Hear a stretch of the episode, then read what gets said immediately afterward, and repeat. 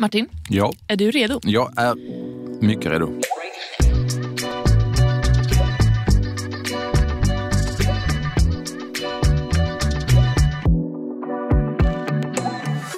Hej och eh, varmt välkomna tillbaka till Breakit Podcast. Det är torsdag, klockan är 8.20 den 9 november. Och mitt namn är Åsa Johansson. Jag är reporter på Breakit och programledare för den här podden.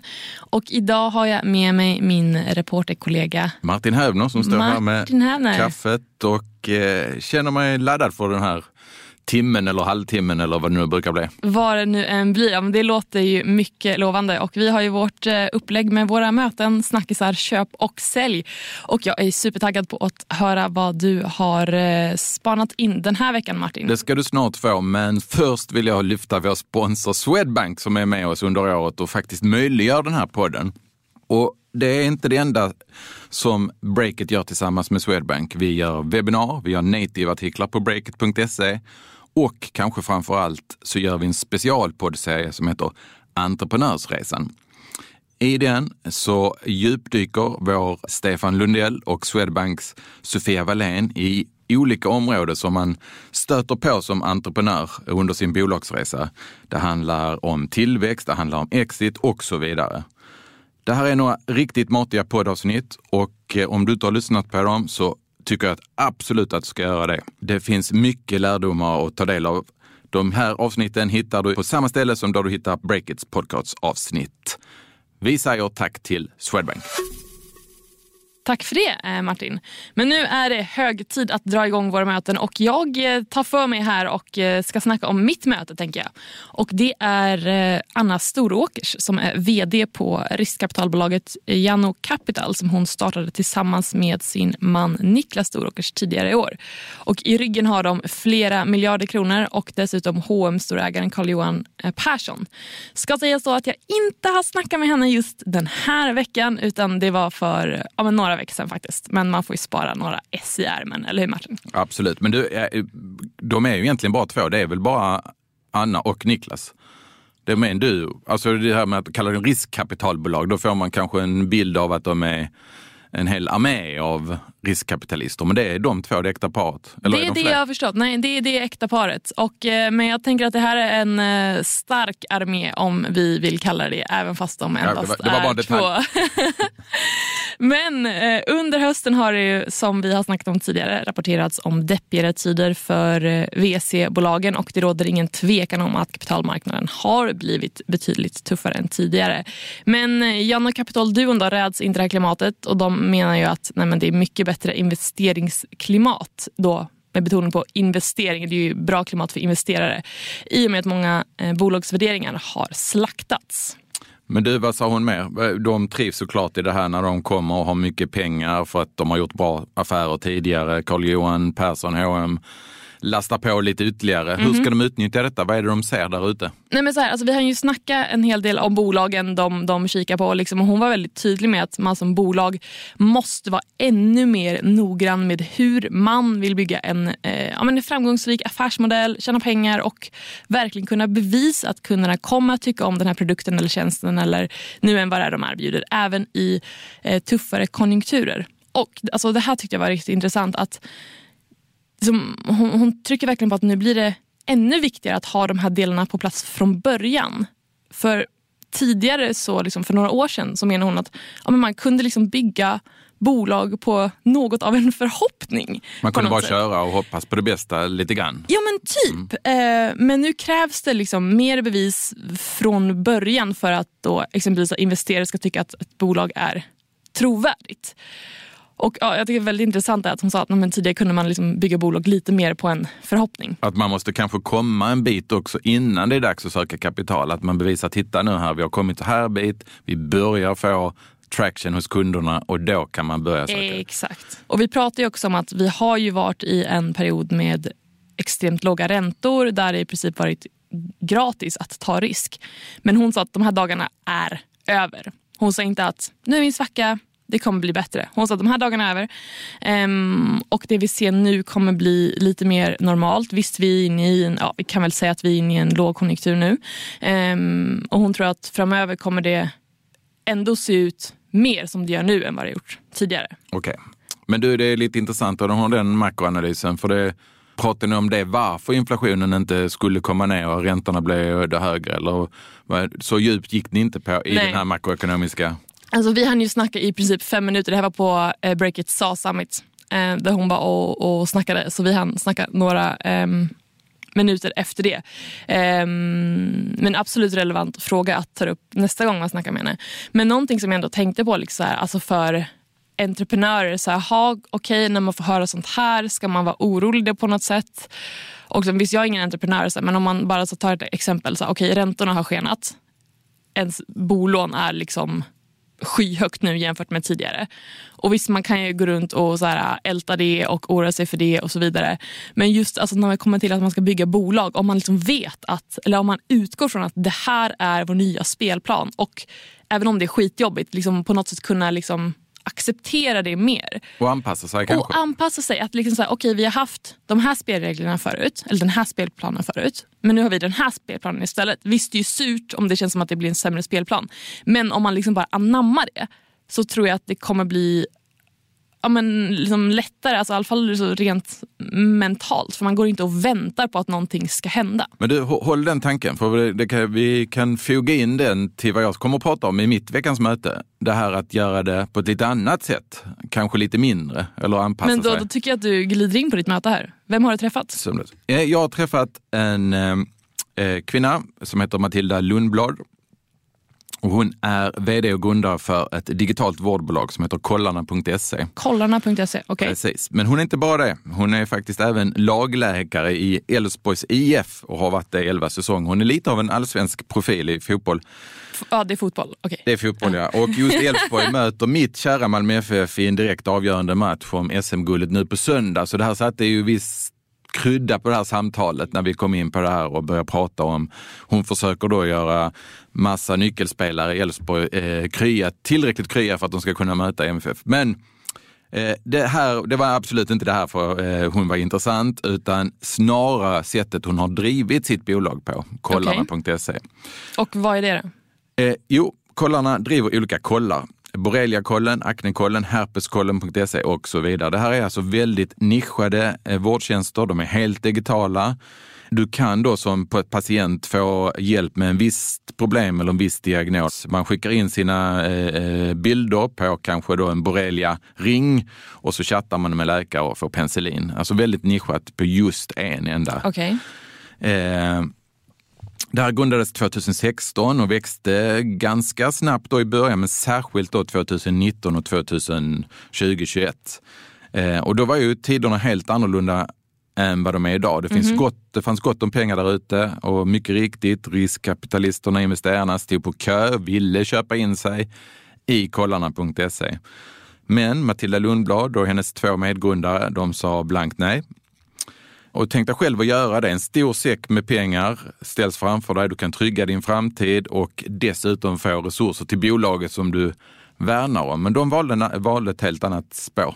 Men hur kommer det sig då? Varför nappar de inte på de här eh, riskkapitalisternas erbjudanden? Eh, nej, men det, det är en jättebra fråga. Men när jag pratar med henne kommer hon hela tillbaka till den här själva vårdtanken, alltså hennes kall som läkare. Att vi, vi vill göra en så bra tjänst som möjligt. Hon var ganska nöjd med den takten bolaget växte i. Personalen trivdes. De startade så nya kollar i ganska lugn takt. Hon såg ingen anledning att rusa fram.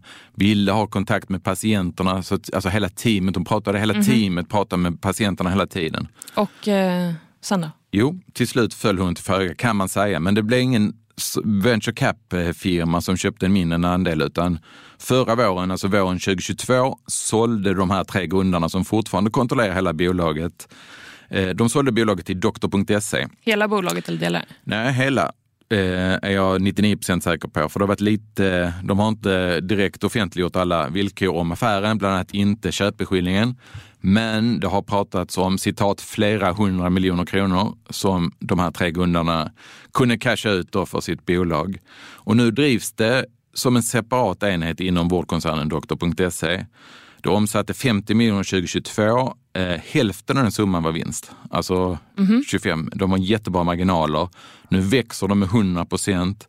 Grundarna är mångmiljonärer. De driver vidare sitt bolag. De fått dessutom utökat ansvar av doktor.se.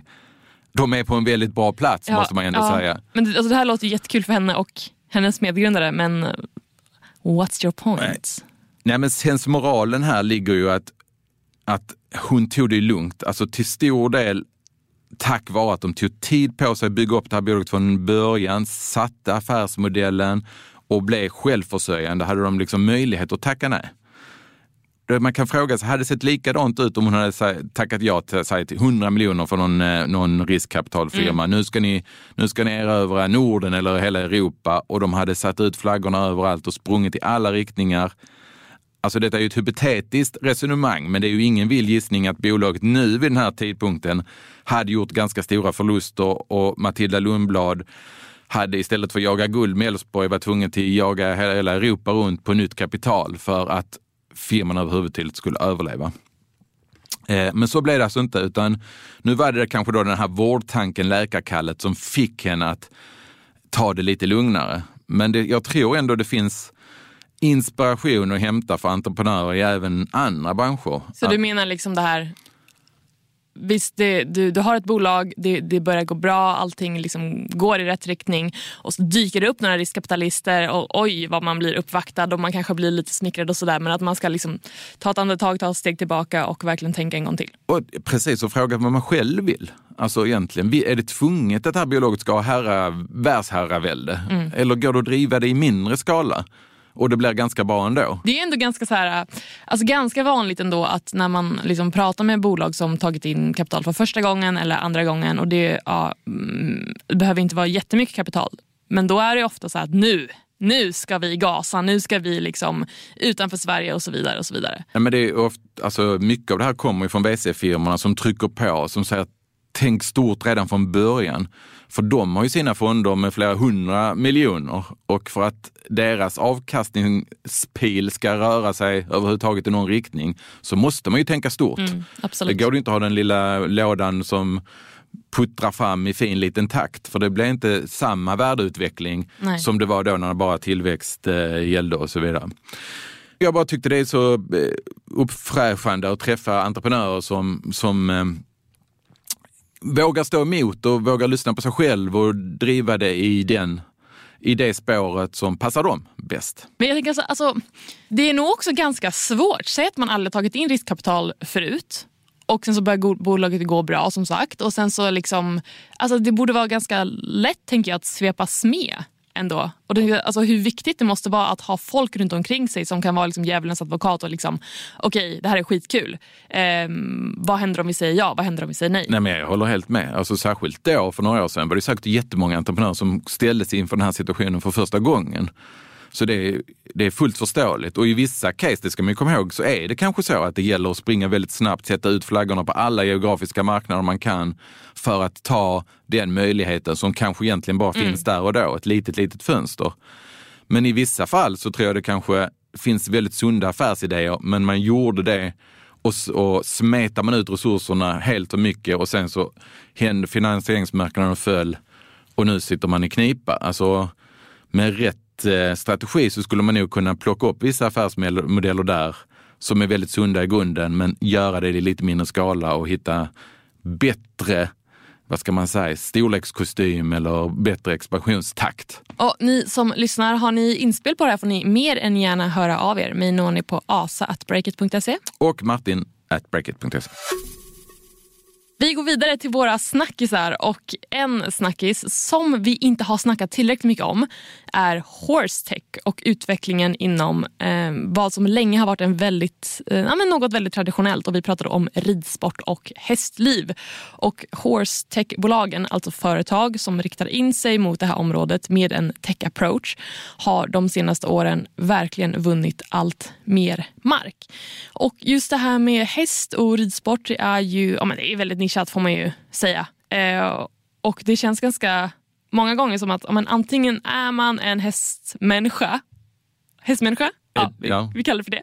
Eh, eller så är man inte det. Nej men precis, de är ju, min bild är ju att de är väldigt engagerade i sin sport. Alltså n- eh, ordet sekt kom flygande förbi eh, i min hjärna just nu. Men, eh, Ja, du men förstår jag menar. så, det, ja. alltså, är det Jerringpriset så ringer de till eh, Radiosporten eller vem det nu är som har hand om det priset och bombar den telefonväxeln för att eh, någon av eh, medlemmarna i hopplandslaget ska vinna. De är verkligen gudar de i hopplandslaget. Och, eh, Mm. Man är superengagerad. Ja men det är man ju verkligen. Du, har du varit hästtjej i ditt liv? Alltså, nja, nja, egentligen ser jag emot mig lite själv här med att man, antingen är man hästmänniska eller inte. Alltså, I somras har jag faktiskt fått eh, möjligheten att följa med till ett stall och rida några gånger och det har varit hur härligt som helst. Senaste gången så kunde jag faktiskt trava med hästen och det var inte hästen som travade med mig så det kändes så här, yes. Själv då? Are you horse dude? Eh, någon gång på Legoland i tidigt 80-tal. Okej. Men vad ska vi, horsetech? Horsetech, yes. Det händer nämligen ännu mer i det här området nu och i det senaste då så bara för eh, men härom veckan så var det två nya startups som galopperade in i techvärlden. Gud, det var kanske lite cringe men det är okej att säga så. Och eh, de här två har då det gemensamma fokuset på att utveckla utrustning just inom hästsport och det handlar om eh, Ride Equestrian och Boof. Och vad är då detta? Jo, Ride Equestrian med vd Karin Falkemo i spetsen har som eh, nej, ska ha fokus på innovation och eh, produktutveckling inom ridsporten eh, och ska eh, lansera väldigt förenklat nu då, avancerade stigbyglar senare år. Jag vet inte om de kommer lansera någonting mer där i samma veva. Men redan nu då så har det här bolaget lyckats säkra färska, färska miljoner och det är från OS-medaljören Peder Fredriksson. som- En av de som avgudas i den här... en av de som avgudas precis. Som via det här nämnda Boof som, som, ja, som jag nämnde nyss eh, går in med 6 miljoner kronor. Men vad är då Boof? Jo, eh, det lanseras i början av 2024, så rykande färskt det här. Och Det här bolaget förklaras som en rörelse baserad på då Peder Fredrikssons filosofi om eh, förbättring. Liksom vad som krävs för att man ska nå sina mål helt enkelt. Men de säljer hästgrejer också. Lite oklart än. Alltså det här bolaget ska både eh, släppa egenutvecklade produkter men också samarbeta med eh, andra. Och Den här investeringen i Ride då, eh, beskrivs som ett i ledet av Boofs eh, innovationsstrategi. Så det är lite mystiskt än. Men du, horsetech har vi ju skrivit om en del. Det är ju nästan ett eget litet segment. I... Ja, men det är det verkligen. Och alltså det handlar ju liksom om allt ifrån e-handel med ridkläder, eh, appar som ska få ryttare att prestera eh, bättre och liksom lösningar, eller appar då, ja, för att göra det enklare att köpa och sälja hästar. Liksom. Så att det är verkligen från ena Ytterligheten eller vad man nu ska Ja, säga. alltså verkligen ett, ett, liksom, ett brett spann av olika liksom, områden.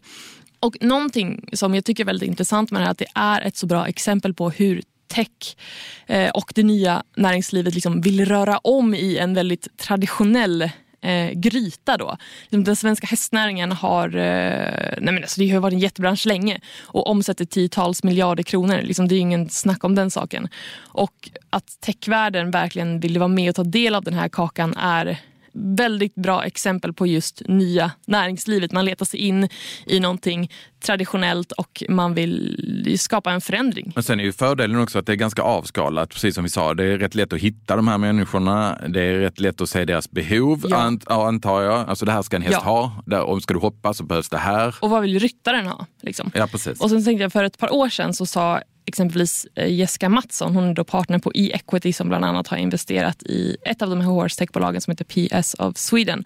Hon sa att eh, det, är en, det är en sjukt spännande och växande bransch som man verkligen borde våga titta närmare på. Och just det här att det har varit så outforskat fram till nu och det tryckte vad heter det, Madeleine Törnblom på. Hon är ju grundare och vd av Maja Delores som säljer ridkläder via e-handel. Då. Och då, alltså det här har varit en raket från start. Och Hon sa när jag träffade henne i höstas att alltså det är ingen som har fattat det här förrän hur stort engagemang eh, det som håller på med hästar har, precis som du nämnde. Och hon, jag vill minnas, jag ska inte citera henne på det, men jag vill minnas att hon också kom in liksom på så bara att det är lite sektliknande. Du är all in eller så är du inte det. Men du, var, var, var är branschen nu? Alltså, kommer det här och booma ännu mer? Alltså hur mycket av handeln har gått över från det traditionella till de digitala alternativen? Var är vi nu? Alltså jag tänker så här att horsetech kommer växa betydligt mer. Det vi har sett nu det är bara början för mer och mer tech kommer in i ridsporten. Och Det handlar om allt från att man vill köpa de här eh, nya typerna av ridkläder på e-handel eller du vill använda någon app för att nej men, träna dig själv eller logga din häst eller vad det nu än kan vara. Men eh, en anledning till varför jag tror verkligen att det är på uppgång är för att riskkapitalet börjar ju leta sig in i det här. Men det har liksom inte, vad ska man säga, vågen har inte sköljt över än. Ja, det kommer. Och en anledning är för att eh, nej PS of, eh, of Sweden, alltså hon sålde ju, eller den grundaren, Karin Bjärle, hon sålde det till E-equity eh, förra året. Men då hade hon ändå byggt upp det under ett tag. Kolla på Madeleine Törnblom, hon vägrade riskkapital. Liksom. Där står ju också investerarna på led. Liksom, och hon mm. säger nej, nej, nej. Um, så det tror jag också är en grej att det finns, det finns kanske lite motstånd för att de här entreprenörerna som ofta också då är hästmänniskor själva. De, är liksom, de vet vad de vill om man säger så. Precis, det kanske, alltså, om vi drar dem parallellt till vad vi pratade om tidigare, läkarkallet och så vidare. Att här är deras hästkall, de vet vad hästmänniskorna vill, de mm. värnar om kunderna och så vidare och säger nej jag vill inte ha in det där. För jag kan detta väldigt bra själv och de känner att de har kontroll på det redan. Ja, exakt. Och en annan grej, nu, nu blir det mycket Madeleine Törnblom här, men när jag träffade henne så var en sak som jag tyckte var himla intressant att hon sa, att när hon rekryterade sitt bolag så är det liksom det är hästmänniskor. För de känner målgruppen. De fattar vad de vill ha, de fattar vad de menar, de fattar problemen, de fattar rubbet. Liksom. Än att man ska ta in någon visst kanske eh, e-handelsspecialist är väl bra på sitt sätt. Men de behöver någon som verkligen har fötterna på marken och gå på samma mark som kunderna. så att säga. Jag förstår. Så ja, vi håller ögonen öppna på allt vad Horsetech innebär tycker jag och har någon som lyssnar ett tips eller inspel, hör jättegärna av er.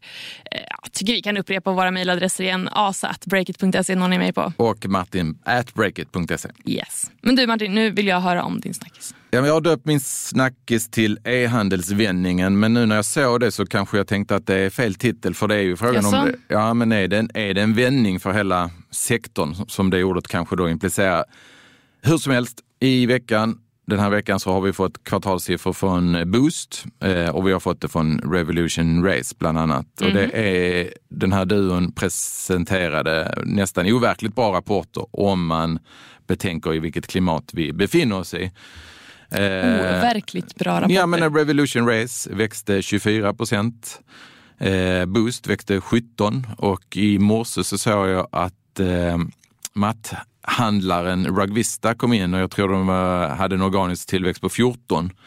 Och samtliga de här två, då, eller de här tre, de har förbättrat resultatet. De två förstnämnda ganska kraftigt då, med, jämfört med förra året. Nu ska man komma ihåg att det finns, jag vet inte riktigt vad vi ska kalla det, gratis medvindar eller faktorer som möjligen gör att det här ser lite bättre ut än vad det är. Och vilka är det då? Nej, men för det första, vi måste komma ihåg att E-handeln är ju en krisbransch, eh, men den växer ändå i absoluta tal. Men om du växer i 5% och inflationen är 10 mm. så krymper det egentligen om du tittar i sålda jackor eller sålda byxor eller i volym så att säga. Ja det finns ju en effekt här att bara de höjer priset, alltså av den här tillväxten så är ju en, en, en viss komponent att de bara höjer priserna för att hänga med i den allmänna trenden. Mm. Det får man ha med sig in. Sen har man också eh, valutaeffekter. Kronan är ju jättesvag och har bara blivit svagare under året. Den är kaos. Och både Revolution Race och Boost har ganska omfattande försäljningar utanför Sverige. Så det är klart att när de svenska kronorna, alltså försäljningen i svenska kronor i danska kronor, förlåt, eller vad det nu är, ja. euro ska översättas till svenska kronor så blir det en positiv översättningseffekt. Och det är också, ger också en boost till den här eh, boost eh, till tillväxten. Så det är det ena. Och sen också ska man komma ihåg att många marknader eh, i Europa mår väldigt mycket bättre än här i Sverige. Här i Sverige har vi det tufft med mycket rörliga boräntor. I Tyskland är det jättevanligt att man eh, binder eh, boräntorna på 10-20 år istället. Likadant i Danmark. Så vi har det lite svettigare här och det mm. syns verkligen i de här bolagens rapporter. De har växt mycket, mycket bättre i Tyskland, i Danmark. Eh, Revolution Race pratar om att de har bra medvind i Nederländerna och UK till exempel. Men det är, kan ändå inte bara förklaras av det här att de är utomlands valutaeffekter, utan det måste vara någonting annat. Och jag måste säga, jag har varit milt skeptisk till Revolution Race och deras möjligheter att hävda sig på en marknad som är väldigt, väldigt konkurrensutsatt. Alltså, jag tycker att deras plagg varken är billigast eller bäst. De är lite mittemellan om du förstår vad jag menar. Vänta nu. Jag tycker att du säger emot dig själv lite här. Eh, nej, Nej. Det eller jo, alltså jag har ju sagt tidigare att jag var lite skeptisk till Revolution Race. Alltså jag trodde inte att de skulle klara det så bra som de har gjort det. Verkligen inte. Jag, jag kan väl säga att jag har haft fel. Du har fel. Jag hade fel. Du hade... Vart vill du komma Martin? nej, men jag, jag, nej, men just att Revolution Race, de har varken haft prisledarskap eller haft en nisch eh, som eh, når de riktigt engagerade skidåkarna eller vandrarna eller vad det nu är. Men kanske är det det som passar så just bra nu i det här klimatet. Alltså konsumenterna går inte till Patagonia eller Fjällräven utan de väljer ett steg under där i prisnivå eller kvalitetsnivå och tycker då att Revolution Race har hittat ett väldigt bra case eller väldigt bra erbjudande. Och kanske likadant för Boost, man byter ner sig och Boost som har ett väldigt brett sortiment, att konsumenten hittar det där. Dessutom har de då skala så de kanske har, eh, apropå prishöjningar, tagit det lite, lite lugnare än många andra och därför kunnat locka eh, eh, konsumenten. Likadant eh, Rugvista säljer på väldigt, väldigt bra. Jag tror de växte på konsumentdelen över 40 procent. Men Rugvista, de säljer mattor. Säljer de någonting mer? Nej, nästan bara mattor. Ja, Lite, lite Det kanske är ändå hemma, hemma intressant att i en sån här konjunktur att Alltså de har haft jätte, jättetufft nu i, i många år. Men detta var första kvartalet på länge med organisk tillväxt. Men är då detta vändningen om vi ska komma tillbaka då? Det tror jag är lite tidigt för då måste det vara lite bredare. Alla måste sälja lite fler eh, byxor, jackor, pryttlar, vad det nu är. Och där ser vi inte, det finns ju många e-handlare som verkligen kämpar fortfarande. Och skulle alla gå bra, då hade ju inte Riksbanken varit klar med sin eh, räntehöjning. Då hade vi ju alltså, räntehöjningscykel. Och riktigt så är det inte. Så jag tycker att de ska ha cred, de här bolagen. De har gjort det väldigt, väldigt bra i ett tufft klimat. Men för att kolla in i spåkulan och ställa dig 10 000 kronors eh, frågan. Vi snackar om, är det en vändning för svenska e-handeln än? Nej. När kommer den här vändningen då? Ungefär. Skulle du säga att det blir till sommaren? Skulle du säga att det blir till vintern nästa år? Ja, men då måste man ju gå tillbaka till hur konsumenten mår och när mår vi bättre? Eh, det kommer ju vara när räntorna backar ner lite, vilket den inte ska göra enligt Anna Storåkers och Niklas Storåkers. Och det vet vi inte om. Det, det finns ju tusentals saker som skulle kunna förhindra en sån utveckling. Men som, det känns ju som att 20, 2024 kommer inte bli värre än 2023 i alla fall. Det är ganska svårt att säga. Det är en ändå ganska positiv vinkel att det kommer i alla fall inte bli sämre. Det är så här, inte så här att åh, när blir det bättre, det är så här, när blir det inte sämre? Nej, men då har man ju nått någon sorts platå och därifrån så kanske vi kan nå något lite bättre, säg sommaren eller hösten 2024. Som om man springer och köttar upp för en asjobbig backe och sen plötsligt blir det plant igen och man kan andas lite. Exakt, där är vi. Vi går över till våra köp och sälj den här veckan och jag tar mitt köp på Instagram och blickar ut i techvärlden. Vi har ju snackat ganska här nära hemma nu under avsnittet så här långt. Men Instagram då. Vad hände där? Jo, häromveckan så meddelades ju att Meta skulle rulla ut betalversioner av sina appar inom EU.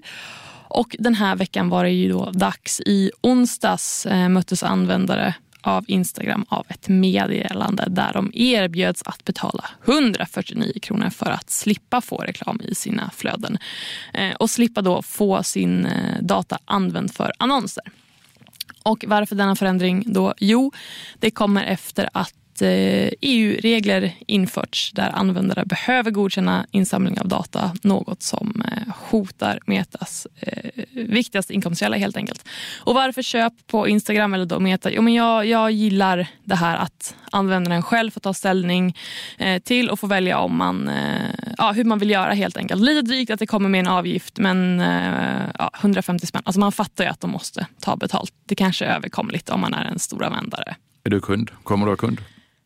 Eh, jag kommer inte betala för det här. Jag använder inte sociala medier så himla mycket ändå. Så att jag, och jag har inte stört mig jättemycket än.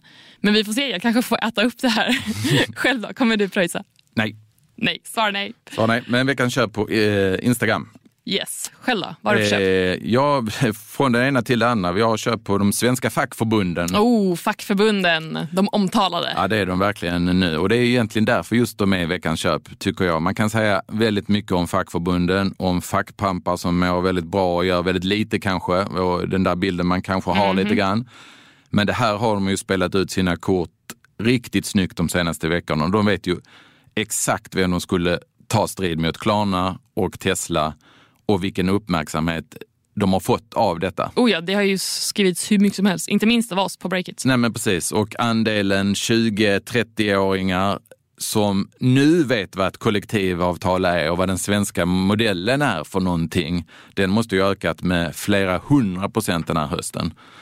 Så snyggt spelat, det ska bli jätteintressant att följa eh, Tesla-konflikten som rullar vidare nu när Klarna är klar. Vad som kommer hända där. När, Och så får vi se också om, om det blir någonting mer på Spotify-fronten också. Det är också en, en eh, aspekt i det hela. Veckans eh, köp går till de svenska fackförbunden. Snyggt eh, spelade kort helt enkelt. Ja. Jag går vidare till min sälj och lite på tala om, eh, ja, kanske inte, men lite på tala om vad vi snackade om tidigare. Riskkapital sätter jag sälj på och tycker att nej, men man kanske ska sikta på ett litet EU-bidrag istället. För det är så här att det finns många miljoner för startups att hämta från EU i form av stöd och bidrag. Och Det här är någonting som jag grottar ner mig i den här veckan. Artikeln kommer på breakit.se. Jag tror det blir i helgen. Ja, ni får hålla utkik helt enkelt. Och Här finns det då mängder av gratispengar att hämta med andra ord. Och jag har snackat med en person som heter Ulf eh, Kastenfors och Han är vd på ett rådgivningsbolag som heter GIA Sweden. Eh, och Han sa till mig att trots att det finns så många olika bidrag att söka så menar han att det här alltså offentligt stöd fortfarande har något av en negativ klang hos ganska många. Liksom att det är så här, alltså man vill inte skryta om, nu säger jag inte att man ska skryta, men att många bolag liksom inte vill skryta om att de har fått bidrag och att liksom just det kanske är ett sätt att, ett tankesätt att nej, man, man vill klara sig själv. Liksom. Men han sa också så här att många bolag kan vara så att men det är verkligen inget konstigt att lägga hur mycket tid och resurser som helst på att man vill få in en investerare med riskkapital. Men att man inte är lika angelägen då att skicka in en ansökan. Som, alltså, klart, det, det tar ju sin lilla tid liksom, för att få ett, ett eh, EU-bidrag istället. Ja, men det var det jag tänkte, du sa gratispengar. Är det gratispengar? För det, ofta när jag hör talas om det här, det är att det är väldigt komplicerat att söka. Det, alltså, man måste lägga ner väldigt, väldigt mycket tid på det. Ja, absolut. Du får lägga ner mycket tid. Men du kan också få ganska rejäla summor utan att du behöver ge bort delar av ditt bolag. Och då om man i det här klimatet ska försöka jaga riskkapitalister eller jaga EU-bidrag så ja, man kanske ska läsa på där helt enkelt. Och det gör ni på breakit.se. Eh, så in och läs den när den kommer och eh, såklart hojta till mig om ni är inspel. Nu går vi vidare till veckans sälj eh, Martin och Ja. det är den Göteborgsbaserade e-handlaren Go North som är min veckans sälj. Det här bolaget backas bland annat av e-equity och det har då köpt andra e-handlare på löpande band de två senaste åren tror jag det är. De är över 30 stycken i gruppen nu. Och den gemensamma nämnaren för de här e-handlarna som har förvärvats är att de har nästan all försäljning på Amazons marknadsplats. Och inte bara Okej. det, Amazon sköter allt vad det gäller fulfillment som man brukar säga. Lager, logistik, plock, eh, orderhantering och så vidare. Massa fix. Massa fix och det är liksom helt utlagt, både försäljningsapparaten och lagerapparaten. Under förra veckan, när många av oss var på höstlov, så kunde Breakit avslöja att bolaget hade gjort en andra omgång av uppsägningar. Nu var det en större del, en ansenlig del av personalstyrkan. Och dagen efter gick bolaget ut med ett pressmeddelande att det sjösätter ett sparpaket och att det inte kan leva upp till de här kovenanterna, de finansiella nyckeltalen som finns kopplade till bolagets upplåning via obligationer på en halv miljard drygt. Ja, det låter ju lite eh, svettigt. Ja, det låter verkligen... Vad händer nu då? Ja, det är, hur ska detta sluta är snarare frågan, tycker jag. För att de här ska spara då, jag tror upp mot 40 miljoner. Det betyder att en stor del av personalen måste gå. Man måste betänka de är 85-90 nu, ska spara 40 miljoner. Det är många av dem som kommer behöva lämna. Man måste prata med långivarna och säga, hej, vi lever inte upp till de här villkoren. Eh, är det okej? Okay? Eller få ännu högre ränta då antagligen. Mm. Eh, så de måste dra ner på personalen. Sen samtidigt får de ju inte då de här bolagen som de har köpt får ju inte tappa i försäljning, för då blir ju situationen ännu värre. Eh, så jag ser det, det här ska bli eh, tyvärr då väldigt intressant att, följa hur de ska reda ut det. Jag ser inte riktigt hur det ska gå till. Och man ska ju också komma ihåg, det här bolaget har ju aldrig riktigt bevisat sig heller. Alltså de började som en liten, liten e-handlare själv som sålde på Amazon och sen har de förvärvat i i rasande takt. Mm, det finns ingenting det. att liksom falla tillbaka på. Nej. som Jag vet att Klarna gjorde, titta vi har tjänat pengar, för, för tre år sedan tjänade vi pengar, nu har vi investerat mycket men vi kommer kunna göra det igen. Det kan inte det här bolaget säga när de då ska röga nytt aktiekapital. Jag, jag kommer ihåg, jag pratade med den här vdn Johan Hallenby första gången för, det är nästan ett och ett halvt år sedan tror jag. Och då frågade jag om att den här risken att vara så otroligt beroende av Amazon. Mm -hmm. Vad sa han på det? Nej, men han viftar bort det. Han var väldigt inriktad då på att han pratade om att det här var, bolaget var en raket. De skulle förvärva, förädla de bolagen de förvärva, ta in ny upplåning, förvärva ännu fler. Vi har hittat en raket här, liksom. det här kommer att flyga till i himlen. Han var helt, helt, helt inriktad på att det här bolaget skulle bli en unicorn och så vidare. Så det fanns inte, men det är just det som har hänt, att Amazon nu har haft massa själv kostnadshöjningar, höjt priserna ut mot alla de här. Mm. Och det är en stor bidragande orsak till att det är betydligt svettigare för Gonoff bland annat. Jobbigt. Jättejobbigt. Och vi följer och vi eh, rapporterar. Så är det. Så är det. Men du, ska vi nämna någonting mer eller ska vi eh, ta helg höll jag på att säga. Eh, gärna ta helg nu på torsdag. torsdag morgon. Vi önskar trevlig helg och tackar för oss. Hörs nästa vecka. Hej då. Hej då.